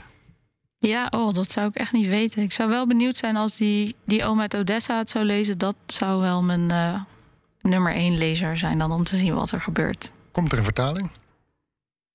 Ja, weet ik niet. Ken jij nog iemand? Weet, weet je al meer dan je nu... eh, Nee, ik weet echt nog niks. Geen scoops helaas. was al één scoop. Ja, ik wil er nog eentje hebben eigenlijk. Maar goed. Ehm, nee, ja, ik hoop het wel heel erg hoor. Maar het is best wel een moeilijk eh, land Ja. volgens mij om eh, iemand te fixen. Maar dat, Ja. ja. dat zou wel een droom zijn. En ik hoop eigenlijk ook heel erg op Polen. Omdat je dan toch al wat dichterbij komt. En het misschien Ja. vanuit Polen wel weer. dus je Oekraïne kiest toch Partij vanuit- voor het Westen. ja, je had- kan ik nou, we hadden nog een uitsmijter als boektips? Of zit er nog een brandende vraag? Ligt op jouw puntje? Nou, meer een opmerking, omdat ik ook gewoon eerlijk wil zijn. En ik geloof dat Floris jou een heel klein beetje gebriefd heeft over... Nee, zover heb ik je niet gebriefd. Ik heb alleen gezegd dat je het Oh, gelezen je hebt alleen gezegd dat ik het heb Ja, ik gelezen. hou me neutraal. Oh, Oh, ik had, dit. ik had nog een beetje gehoopt dat je al wat voorgemasseerd was. Nou, ik heb het boek naar 70 pagina's weggelegd. Echt waar? Wat gebeurt er op pagina 70? nou, of 74. Ehm, en toen na twee dagen weer opgepakt. En toen heb ik het uitgelezen. En wat was er, want dan in eh, pagina 70 zitten we in eh, de jaren 30 van de collectivisatie. Ja, daar ging het me niet eens om. Hmm. Ik, ik, ik, ik ben niet voor of tegen collectivisatie in, in dit geval, of dat het op pagina 74 staat. Maar nou, ik, ik had jou gehoord bij Kunststof. En dat vond ik een fantastisch interview. En ook nu hang ik aan je lippen. Je bent echt een geweldige spreekster. En van Floris, die jou al iets langer kent, had ik al de indruk dat je ook gewoon een heel sympathieke persoon bent. Ik doe mijn best. Nou, dat En dat gaat je goed af. gaat vanzelf. En, en toen ging ik je boek lezen. En het, het was een lichte worsteling. En ik twijfelde over dit, dit zeggen, omdat alle interviews die, die je hebt met schrijvers, in welk programma dan ook, dan is het altijd. Eh, ja, waarom heb je dit gedaan? Waarom heb je dat gedaan? Maar het is altijd. eh, wat een fantastisch boek heb je geschreven. Ik heb, ik heb nog nooit een interview eigenlijk gehoord waarbij iemand gewoon helemaal wordt afgekraakt. En dat is ook niet wat mijn bedoeling is en wat ik niet ga doen. Want ik heb het uitgelezen en met veel plezier uitgelezen. Maar ik was zo benieuwd. We hadden het al over, over Nino. ehm eh Haratischvili. En jij, jij hebt ervoor gekozen om in een, in een andere stijl... een soort familiekroniek ja, het is een totaal non-lineaire kermis waar je in terechtkomt. Je moet de continuïteit laten varen. En ik kwam daar eh, veel te laat achter. Ik had. Ik, ik. Weet je, je boek begint met dat jij de grens oversteekt. Of dat probeert. ehm, om, om het eh, nou, nu afvallige gebied eh, in te komen. En dan inderdaad kom je in de geschiedenis en in, in dat luchtkasteel. En je tuimelt en tuimelt.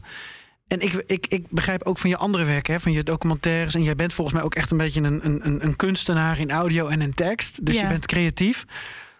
Ik had dat gewoon de eerste 70 pagina's, dacht ik, wat, wat lees ik nu? Waar breng je me nou in godsnaam naartoe? Ik ben jij? niet zo van de flashbacks, dus het is ook gewoon smaak.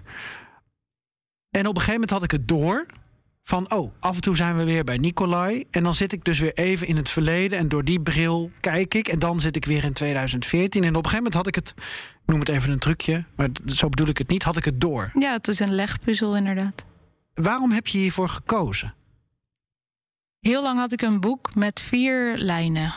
Een boek waarin de, het paleis een grote rol speelt. Het paleis wat nu alleen het decorum is eigenlijk. Waar ik doorheen wandel met mijn overgrootvader. Waar al die eh, niet-continue verhalen en al die familieverhalen eigenlijk bij elkaar worden geschept. En wij vertellen die aan elkaar. En langzaam lopen we naar de, de bovenste verdieping waar de vermoorde oom zich heeft opgesloten. Omdat hij niet wil oversteken naar de dood. Dit weet je al gauw, dit is geen spoiler. Ehm, en eh, dat paleis was eerst de leidende draad van een heel boek. Dat paleis, dit is een heel lang verhaal hoor.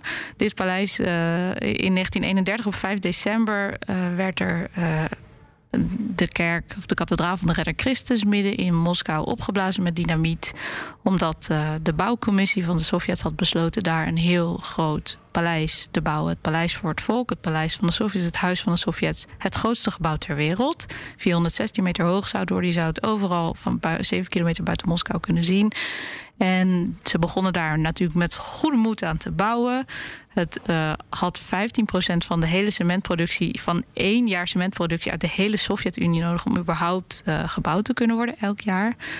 Ehm, en in 1941 stond er eindelijk 50 meter staal en lagen er een aantal blokken in een cirkel, zo blokken beton, klaar. Daartussendoor was het heel vaak onder water gelopen, er was van alles misgegaan. Ik denk dat dit sowieso in de House of Government ook terugkomt. Eh, het gaat in ieder geval heel erg over de grond van Moskou en hoe slecht die is en wat een zooitje dat Ja, is. Ik weet niet in welk gedeelte van, van Floris Nee, jouw ik boek wel, en in eh, House of Governments is. Ik op drie Maar... kwart volgens mij. Oké. En ehm eh, zelfde architect, interessant, Boris van. Toch? Ja. Boezov. mhm. Volgens mij, nou, dat, ik kom hier nog op terug. En eh, toen brak de Tweede Wereldoorlog uit, dus alles ging weer naar beneden. Die betonblokken werden als barricades voor eh, Moskou gebruikt. Eh, de oorlog was voorbij, er was helemaal geen geld meer. Dat lukte allemaal niet. Stalin overleed. Khrushchev komt aan de macht. En in 1960 ligt er het grootste zwembad van Europa. En precies, op precies die plek in de cirkelvorm. En eh, na de val van de Sovjet-Unie komt een referendum. De Moscovieten stemmen ervoor om die kerk, die er nu staat, zo'n lelijk glimmend wit ding, weer terug te zetten. eh, en te laten bouwen met onder andere geld van Coca-Cola, wat heel grappig is. dat was de rode draad van de roman. Van het boek. Het was heel erg non-fictie. Uh, en daaronder lag nog een lijn. Dus weer die, wel dat totale verknipte van allerlei scènes. Hmm. Uh, de, de lijn van mijn oma die opgroeit en die, die collectivisatie en dan de oorlog en de deportatie. Maar daarna had ik een soort van heel groot gat in de tijd. En daaronder zat nog een lijn van die oorlog nu. En een lijn waarin ik terugreis vanuit Nederland naar uh, helemaal naar het geboortedorp van mijn oma en langs haar uh, de fabriek waar ze heeft gewerkt, helemaal via die deportatieroute. Die vier lijnen waren zoveel dat er helemaal geen. Dit is heel technisch, maar er was geen eenheid van tijd, plaats en handeling. Het was niet te doen. En tegelijkertijd was ik een virtual reality installatie aan het maken over Oost-Oekraïne. Uh, het leven van een oude vrouw op het moment dat de MH17 ook nog eens neerstort terwijl die oorlog aan de gang is. En ik was dat aan het maken. Toen dacht ik, wow, oké. Okay. Dus je kunt gewoon in één ruimte zijn. Sorry, ik ben dus niet. Ik ben meer van het beeldend nee, nee, nee, werken. Maar dit, dit is niet onderdeel van je boek, maar dit is inderdaad Ja. een ander project. Uh, maar het, het vehikel van iemand in een ruimte zetten en rond kunnen laten kijken. En dat er van dus je kan alle toeters en bellen opentrekken en dan komt het wel. Uh, in een wereld waarin de scènes wellicht een beetje veranderen. Maar in, in virtual reality kan je rondkijken. En dan kan ik het, maar wel steeds in een soortzelfde decorum. Daar stond je de hele tijd in een heel mooi zonnebloemveld. En daar in dat veld, in een soort cirkel, veranderde de hele tijd van alles. Toen ik dat aan het maken was, dacht ik: zo'n ruimte heb ik nodig om al deze verhalen van die familie, van die oorlog. Uh, het paleis is dan alleen nog maar het decor te kunnen vertellen. En om ook nog eens iemand te ontmoeten die mij over vroeger kan vertellen. Ja. Namelijk Nicolai. En om dat kantelpunt te bouwen waarin hij de hele geschiedenis kent tot de deportatie en ik alle geschiedenis ken vanaf de deportatie. Waardoor wij elkaar kunnen helpen met het vertellen van de verhalen. Um, ja, dus inderdaad, het, is, het stond ook in de, de recensie van NRC dat als je de continuïteit. Uh, als je dat laat varen, dat het, een, uh, dat het een mooie roman is. Maar ik heb er niet voor gekozen om een soort recht toe recht aan. Uh, ik neem je meteen mee boek te schrijven. Al is de stijl volgens mij heel makkelijk en je glijdt er wel lekker in wat dat betreft. Dus het is wel een risico. Dit boek is een risicovol boek. Voor daarom, mij. Daarom had ik het ook even weggelegd. Ja. Toen weer erbij gepakt. En toen. Uh, In één zucht uitgelezen. Ging wel makkelijker. Ja. En ik vind het super interessant. En, en nu je dit zo vertelt, denk ik ook. Kijk, het, het, ik, ik mag het niet met andere boeken vergelijken. Ik doe het een beetje met het achterleven van Brilka. Omdat als je dat leest, dan is dat. Uh, klinkt heel raar om te zeggen natuurlijk, want er zitten verschrikkelijke elementen in op menselijk niveau. Maar het is zo zo'n fantastisch boek. Het is zo'n fascinerende ja, familiegeschiedenis. Van mijn favoriete boeken. En, en, en jij, jouw familie heeft dat ook.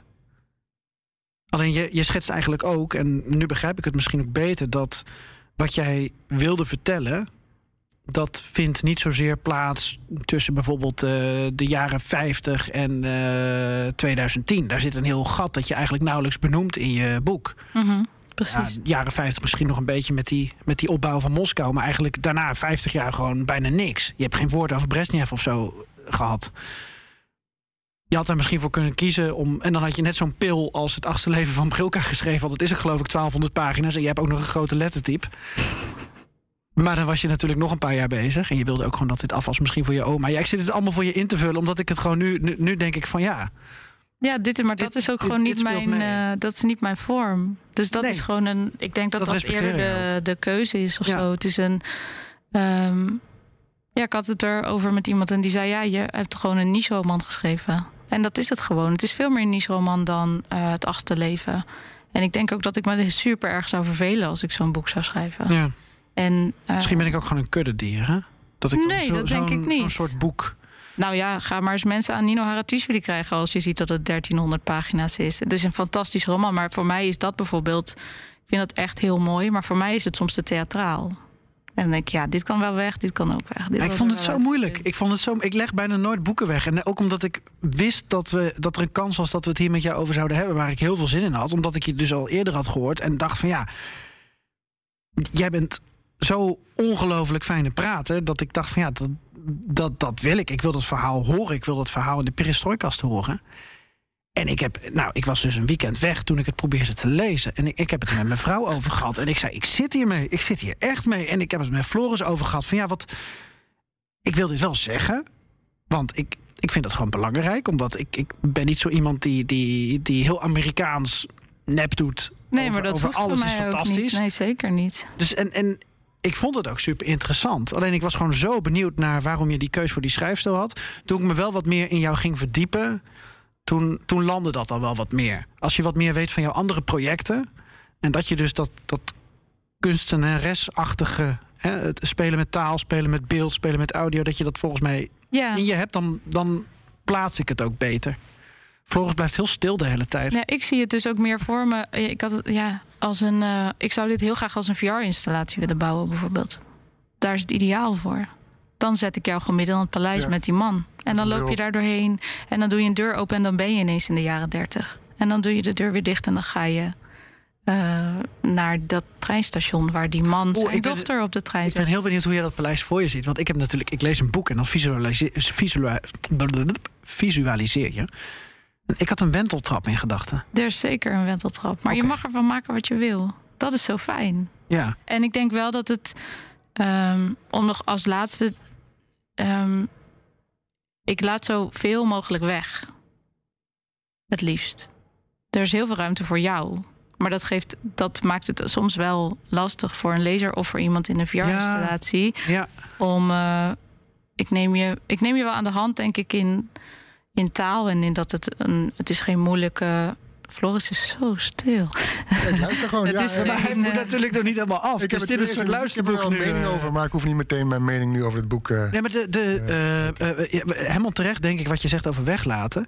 Maar bepaalde onderdelen, eh, bijvoorbeeld de jaren rond 2014, maar ook rond eh 42, eh, als Alexandra, als je oma eh, dus uiteindelijk weg moet. En, en vlak daarvoor de, wat, wat er met jouw familie gebeurt, met Nicolai, dat, dat het allemaal bergafwaarts gaat. Dat is vrij gedetailleerd, specifiek opgeschreven.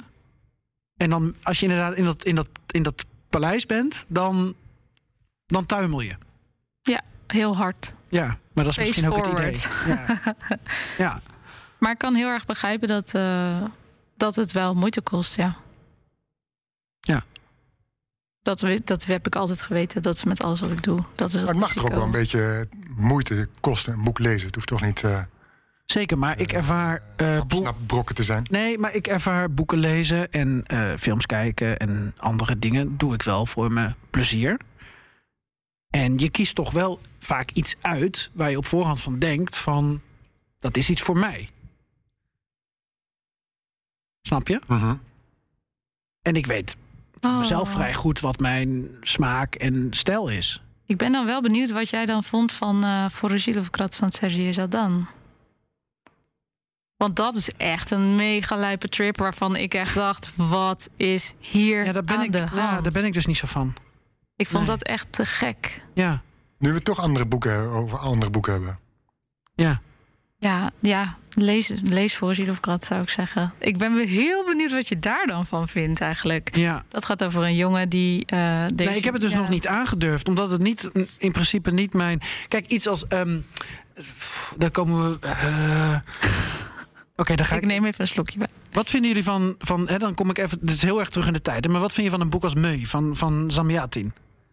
Zeg maar niks. Beetje het Russische 1984-achtige. Oh, je bedoelt Wii. Ja, die heb ik thuis, maar ik ben in begonnen, maar nog Oh, wie? niet zo Ik- ver. wie? Ik zeg het niet wij, jullie. Ja, ja. Ja, ja oké.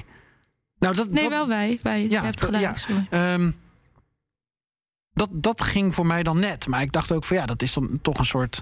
Maar dat is gewoon speculatieve fictie. Ja, maar daar ben ik dus ook niet. Ik ben niet van. Maar dan denk ik dat het gewoon een, eh een, een genre-liefde is waar, waar ik heel hard op ga. Want speculatieve fictie vind ik te gek. Ja, ja. Oké. Welke boeken heb je nog meer? We hebben toch een beetje over andere boeken. Zullen we het nog een keer over iets anders hebben? Ja, dan over andere boeken. Die misschien die Geert-Jan eh, eh, eh, omarmt, Ik- direct. nou ja, ik moet Oeh. twee weken opsluiten in een huisje en, en in een VR-installatie, denk ik. Ja, maar die duurt maar 13 minuten, joh. Daar ben je zo doorheen. Oh. Eh, nou, ik had eigenlijk een beetje een saai lijstje, zeg maar. De boeken die mij hebben geholpen bij het schrijven van deze roman. Eh, maar als je dan iets eh gefragmenteerd wil lezen, zou ik toch Alexievich lezen. Alles. Alles van Alexejevich. Het heeft me geholpen, maar ook de, de, de taal en de toon. Wit-Russische, Belarusische schrijfster. Ik weet niet meer wat ik moet zeggen. Ja. Ehm, Nobelprijs. Nobelprijswinnaar 2015. het land Eh, ontvlucht. Adviseur van eh Tiganovskaya en eh, Ja. de hele Wit-Russische diaspora. Schreef over Tsjernobyl, schreef over de kinderen in de Tweede Wereldoorlog, eh, schreef over vrouwen in de Tweede Wereldoorlog. Wat echt, eh, dat is zo'n mooi, verschrikkelijk boek. Eh, over de val van de Sovjet-Unie natuurlijk. Het einde van de Rode Mens is een enorm mooie roman. Eh, in andere categorie, wat ik heel in- interessant vond, was dagboek Maidan van Andrei Kurkov. Omdat hij zo niets ontziend is op een bepaalde manier. Ik begreep soms helemaal niet wat ik aan het lezen was. Hij kan heel hard zijn en heel bot over wat hij ziet. Want hij woont dan daar ook in de buurt. Want hij die houdt per dag bij, Ja, wat er aan de hand is. maar dan 2013, 14. Ja, en dat hij dan soms zijn kinderen naar school brengt. Ik denk, staan ze er nou nog steeds? Weet je, ik weet niet. Het voelde zo heel erg. Ik dacht, oh, wat. Ik had het cadeau gekregen van mijn ouders. Dat vond ik heel mooi. Ehm, ja, en Applebaum die Red Famine heeft geschreven. Dat is natuurlijk een soort classic. Eh, Borderland van Anna Reid had ik nog bij me. Ehm, Ja. Dat vond ik een heel interessant boek. eh, Journey Through the History of Ukraine. Eigenlijk een van de eerste boeken. Gekocht op de airport. Waarvan ik dacht, hoezo hebben jullie dit op het vliegveld? Ehm, super interessant. Ja, kan nog wel heel veel meer werken noemen. Maar ik wilde ook twee films noemen. Omdat ik daar heel veel aan heb gehad. Omdat ik dus heel erg hou van beeld. En van kijken Ja. naar foto's en eh, fotografie. Maar ook films. De film Ben ik heel benieuwd of dit iets voor mij is. eh, nou, deze denk ik dus niet. We hadden het er net al een beetje over Donbass. Ja. Van Sergei Losnitsa. Ja, de bekende Ja. Heel, heel goed. regisseur die in eh, ja, eigenlijk eh, de, de, de, nou ja, de, oorlog- de oorlogstijd in opkomst eh, ja, bekend is geworden. Ja. Ja, en aan de hand van allerlei foto's die heel bekend zijn geworden, maakt hij dan scènes. Dus de foto's komen, zijn echt non-fictie, komen uit de realiteit. En hij heeft daar scènes bij gemaakt. Eh, er zit een kleine rode draad in. Maar eh, iedereen met wie ik het enthousiast ging kijken, zei: Sorry, ik ga even weg, want ik verveel me helemaal dood. Ik vind het te gek, hij heeft het zo goed gevangen. Eh, dan de film Atlantis van Valentin Vasjanovic. Ehm, over, het is een speculatieve film over eh, ja, Oekraïne. Dan is de Donbass dus wel weer onderdeel van Oekraïne in 2025, geloof ik. En een man die. eh, en er is een eco-ramp aan de hand. En dit is allemaal helemaal misgegaan met eh, de Donbass. En hij brengt water met een watertankauto naar allerlei mensen die het gebied aan het herstellen zijn. En op een gegeven moment raakt hij bevriend met een vrouw die voor de Zwarte Tulp werkt, volgens mij. En die helpt met eh, lijken zoeken. En eh, zij worden verliefd. Maar ja, er zitten zulke. Daar gaat het eigenlijk helemaal niet om. Het zijn heel verstilde scènes. En het is, zit heel goed in elkaar. En- het laat het gebied ook heel erg zien. Ook die desolaatheid ervan. En als laatst, er komt dus een nieuwe film uit van hem. Die is volgens mij al uit. Heeft al gedraaid op buitenlandse festivals. Ik hoop dat hij op IFFR komt. Van diezelfde eh, maker van Atlantis. Dat is Reflection. En dat gaat over een man die gevangen wordt gezet in Oost-Oekraïne, eh, in, de, in de Donbass. En de trailer alleen al heb ik het denk ik 30 keer gekeken. En eh, ik heb heel veel zin om, eh, om die te zien in de bioscoop. Ik heb nog een suggestie voor een eh, speculatief eh, script, speculatief scenario. Nou. Een Zoom-gesprek tussen de leiders van Moldavië en de Oekraïne over Rusland. En waarom zij? Nou, over wat zij, wat zij bepalen het lot van Rusland. Zat ik ineens aan te denken. Nou ja, eh, voor tips en tru- trucs Ja, kom maar door eh, hoor. roep de hulp van Lisa in. Georgië, eh, Georgië, Saakashvili en eh, Zelensky, die. eh, nou ja, ze zijn niet allebei meer aan de macht. Maar Sandu en Zelensky, die eh, het voor het zeggen hebben. En In ieder geval goed gebeurt. entertainment. Ja, Ze hebben genoeg, eh, precies ja. Bewogen Nou. personen. Dat was hem. Ik zet er een punt achter. Ja, we Ja? zijn echt lang aan het praten, man. ik wil eten. We hebben ja, nog steeds je- geen eten Zo, besteld. je zou friet bestellen, kapsalon. Ja. Lisa, Weda, vet bedankt, als ik het zo mag zeggen, in, in, in jongere taal. Oh ja, joh. Auteur van de familieroman Alexandra. En eh, ja, Geert-Jan mag lullen wat hij wilt. Ik zeg gewoon, koop het boek. Goed, Dat- perfect. Nee, dit is dus precies wat ik niet heb gezegd. hey, weet ik ook wel. Ga er nog niet zo over in. Ja, maar jij, jij gaat nu precies mee met de meute. Jij gaat nou precies mee met alle, alle andere boeken, interviews en gesprekken... waarin het altijd maar eh, zus en zo en super gedaan en eh, eh, Maar het was toch een goed genuanceerde uiteenzetting van waarom je soms iets niet leest. Ja, dat was ook prima. Dat is, maar de opmerking... Hij, de opmerking deze jongen hier, en ik wijs naar je, ja. Jij doet een aanbeveling op basis van een kwart van een boek lezen. Dat vind ik niet respectvol naar de auteur en naar het boek toe. Jawel, want het kwart, inmiddels meer, de helft, ehm, is dusdanig zo. Nou, als ik zo zie waar je Verder je, telefoon Nee, hebt liggen, dat is volgens mij... eh, dat even Oh, een laat hem nou even uitpraten, joh. ja, oké, sorry, je zegt nodig hadden. Ja, wat wij Nee, zeggen. dat kwart is dusdanig enthousiasmerend dat ik graag verder lees. Al is het maar om te zien, eh, om te weten hoe verminkt iemand eruit ziet. Ik vind het leuk, Aan dat het ritme, eind. het afwisselen van die paleis... en dan weer terug naar zus, naar maar naar dat. Ja, omdat je het snapte. Prikkelt. Ja, omdat je het snapt. Misschien moet je gewoon andere boeken gaan lezen, ja. Nee, oké, één anekdote. Ik denk ook dat het aan mij En ligt. ik moet ook zeggen, van, ik, ik ken Lisa een beetje. En het is leuk, dat heb ik wel met andere schrijvers ook... om een beetje door haar ogen, door haar gedachten... in dat paleis rond te gaan en, en dat verhaal te zien ontwikkelen. Ik denk dat het aan mij ligt. En dat het ook... eh, bij mijn vrijgezellenfeest... Nu even over mij. Wat? Bij mijn vrijgezellenfeest, dat werd gevierd in een eh, eh, koepelgevangenis in Breda. Gezellig. En daar zat een spelelement in. Je moest ontsnappen uit die gevangenis. Escape room. Ik had het niet door. Ik dacht, we zijn in een openluchtmuseum. En ik zat me al in godsnaam af te vragen... waarom ik mijn vrijgezellenfeest doorbracht in een openluchtmuseum. Het was een, je- het was een gevangenis en je kon een rol spelen in een kantine. Je kon een rol spelen als bewaker. En ik dacht van ja, oké, nou ik ga wat kopen in die kantine. Maar blijkbaar moest je onderhandelen... omdat je moest zorgen dat je uit die gevangenis kwam. Maar blijkbaar, blijkbaar heb ik niet snel genoeg door hoe Maar heb jij thuis geen zitten. PlayStation of zo? Ja, ik eh, hou van FIFA. Oh god, oké. Ja, ja, maar ja, is dat, eh, alles dat is dan weer niet creatief joh. genoeg, hè? Nee, Ja. ik al drie jaar ik mee eh, opgeschreven, speel heel dus, graag FIFA, maar ook, er zijn wel games waardoor je misschien... Ik, ja, ik werk ook met game designers, dus ik hou ook van wat is interaction design en hoe werkt... Nou goed, bleh, dat, is een heel Ik ga me ervoor maar- openstellen, oké? Ik ga me ervoor openstellen. Bedankt. eh, voornemens voor de 2022. Koop dat boek. Dankjewel, Lisa. Yes. Actie dan. Ja, Joost Bosman, eh, Lisa en Geert-Jan die eh, slaan elkaar de hersens in. eh, na eh Geert-Jans eh, commentaar op het boek van Lisa. Dus eh, Joost en ik doen het even met z'n tweeën. En, O jee. eh, ja, dat, eh, graffiti ja, uitgebroken. nou wat heet, dan moet je maar terugluisteren. Oh, ik ben zeer benieuwd. Dus eh, misschien eh, even om, om, om de spanning uit de lucht te halen, eh, toch even een grap en een gol. Ehm, hoewel, Joost, jij bent ook net terug uit Oekraïne. Waar we de hele Ja, aflevering over hadden. ja. Hoe, wat, wat, wat, hoe eh, zijn de Oekraïners klaar om de Russen het land uit te meppen? Nou, ik ben in, eh, in Kharkiv geweest, eh, waar het eh, relatief rustig is, maar waar de mensen toch overwegend wel bezorgd zijn, denk ik. Eh, 2014, toen er in de aanpalende regio's Donetsk en Luhansk eh, oorlog uitbrak, toen, toen hadden de mensen in Kharkov, want het was een dubbeltje op zijn kant, of het was daar ook gebeurd, hadden echt de koffers klaarstaan, de vluchtkoffers, en, en het paspoort op tafel liggen. Ehm, dat is niet meer zo, werd mij verteld. Maar eh, mensen, mensen weten dat het kan gebeuren. Maar ze zijn, ja, ze zijn er toch wel bezorgd over. Eh, zeker nu dit soort berichten al weken gonzen dat de Russen gaan aanvallen. Eh, maar ja, het is, mensen gaan gewoon door met leven, dat wel. Je ziet het op het straatbeeld, zie je het niet. Maar als je met mensen praat en je vraagt ze daarnaar... Dan zijn er sommigen wel bezorgd, maar de, de meningen zijn heel verschillend. Er zijn ook mensen die zeggen, nou, ik geloof niet dat het gaat gebeuren. Ik geloof er helemaal niks van. Nee, nee, nee. Eh, en alles wat daartussenin zit eigenlijk. Ja. Het gekste avontuur dat je meegemaakt? Ben je nog aangehouden? Nou, ik ben, ik, ben, eh, ik ben drie uur vastgehouden door de grenswachten. Want ik was in de vijf kilometer zone tot aan de grens. En dan mag je als buitenlander niet komen. Dat is in Rusland zo, maar dat is in Oekraïne kennelijk ook zo. En eh, ja, we werden meegenomen naar, eh, naar het, het politiebureau.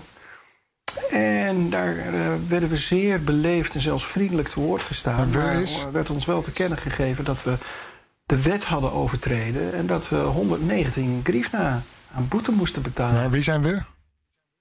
Eh, mijn twee cameramensen Mhm. met wie ik op stap was. Dus ja, dat was eh, toch omgerekend toch, al snel zo'n 4 euro. Ja, je weet hoe het eh freelancers vergaat uh, these days. Dat is een, een flinke hap uit het budget, dat begrijp je. Ja. Ja. Dus toen heb je keurig betaald en je werd vrijgelaten? Ja, uh, ze, ze, hebben heel lang gewacht. Uh, veel langer dan nodig was, want we hadden alle papieren ondertekend, uh, een keer of 25. En, en, en nou, we kregen koffie aangeboden. En, maar we zaten te wachten en te wachten. En, en op een gegeven moment konden we gaan. En toen was het donker. En we vermoeden gewoon dat ze daarop hebben gewacht dat wij gewoon niet meer terug zouden gaan om, te, om nog te filmen, omdat het niet meer kon. Het was donker. Ja. dus dat was een hele slimme truc van ze. Maar uh, we hadden de opnames al gemaakt die we nodig hadden. Dus het heeft ons uiteindelijk uh, niks gekost. Maar uh, ja, dat, dat was eigenlijk het gekste wat ik heb meegemaakt. Oké. Okay. En heb je nog een gekkere mop? Kan de mop hier overheen? Nou ja, de mop moet grappig zijn, hè? maar hij is wel actueel. Het gaat over de, de over de, de, de, spanning rond Oekraïne. Mm -hmm. Vladimir Poetin zit met uh, zijn minister van Defensie, Sergei Shoigu, zit hij uh, in, in overleg. En Poetin vraagt aan Shoigu: uh, is er een plan om aan te vallen? Waarop Shoigu zegt: Nou, Vladimir Vladimirovich, bedunkt, we kunnen zelfs kiezen uit drie plannen. Eentje van het Pentagon, eentje van de Washington Post en de ander van Bildzeitung. mooi, mooi, mooi, mooi, mooi, mooi, mooi. Je snapt hem, hè? Ja, hij is geestig. Was ook niet zo, was ook niet zo moeilijk deze keer. Uh, nee, dat Speciaal is voor jou ja, gedaan, Floris. Ik weet dat je altijd aan me denkt. Nee, erg geestig. En het zegt ook wel wat natuurlijk over uh, ja. uh, hoe het Westen ja, zeker. van bakt. Zeker. Het is een mond met een dubbele lading zeker, zeker. in deze. Dankjewel, ja. dankjewel. Ik vond het leuk. Op naar de volgende. Oké. Okay. Blij om te horen. Yep. Калинка, калинка моя, в саду ягода, малинка, малинка моя.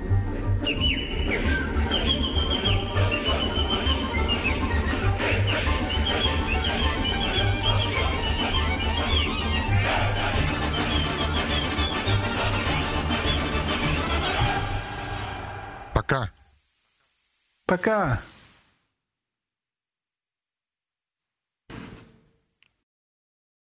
Ook Liesbeth Staats vind je in de BNR-app. Ja, heel handig. Luister live naar Kees en mij tijdens de Daily Move. Dan blijf je ook gelijk op de hoogte van breaking news en het laatste zakelijke nieuws. En daar vind je ook alle BNR-podcasts, waaronder de Perestroikast. Download nu de gratis BNR-app en blijf scherp.